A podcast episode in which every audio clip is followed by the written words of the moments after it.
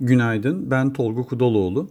Cumhurbaşkanı Erdoğan Litvanya'daki NATO zirvesine katılırken Türkiye, İsveç ve NATO arasındaki üçlü görüşmede mutabakata varıldı.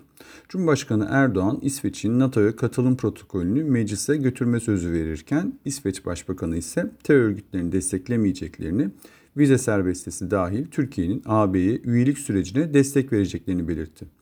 Türkiye'nin kararı sonrası ABD Dış İlişkiler Komitesi Başkanı Menendez, Türkiye'ye F-16 satışına gelecek hafta karar verebileceklerini açıkladı.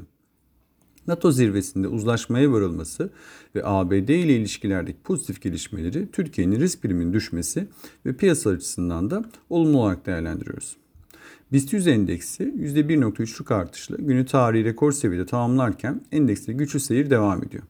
İsveç'in NATO üyeliği konusunda uzlaşmaya varılmasıyla endeksin alıcılı bir seyirle güne başlayacağını ve 6350 direncinin aşılmasıyla birlikte yükselişin 6500 direncine doğru devam edeceğini tahmin ediyoruz. Endeks dolar bazlı grafikte de 250 dolar direncini hedefliyor. 6210 ve 6150 ise destek seviyeleri olarak takip edilebilir.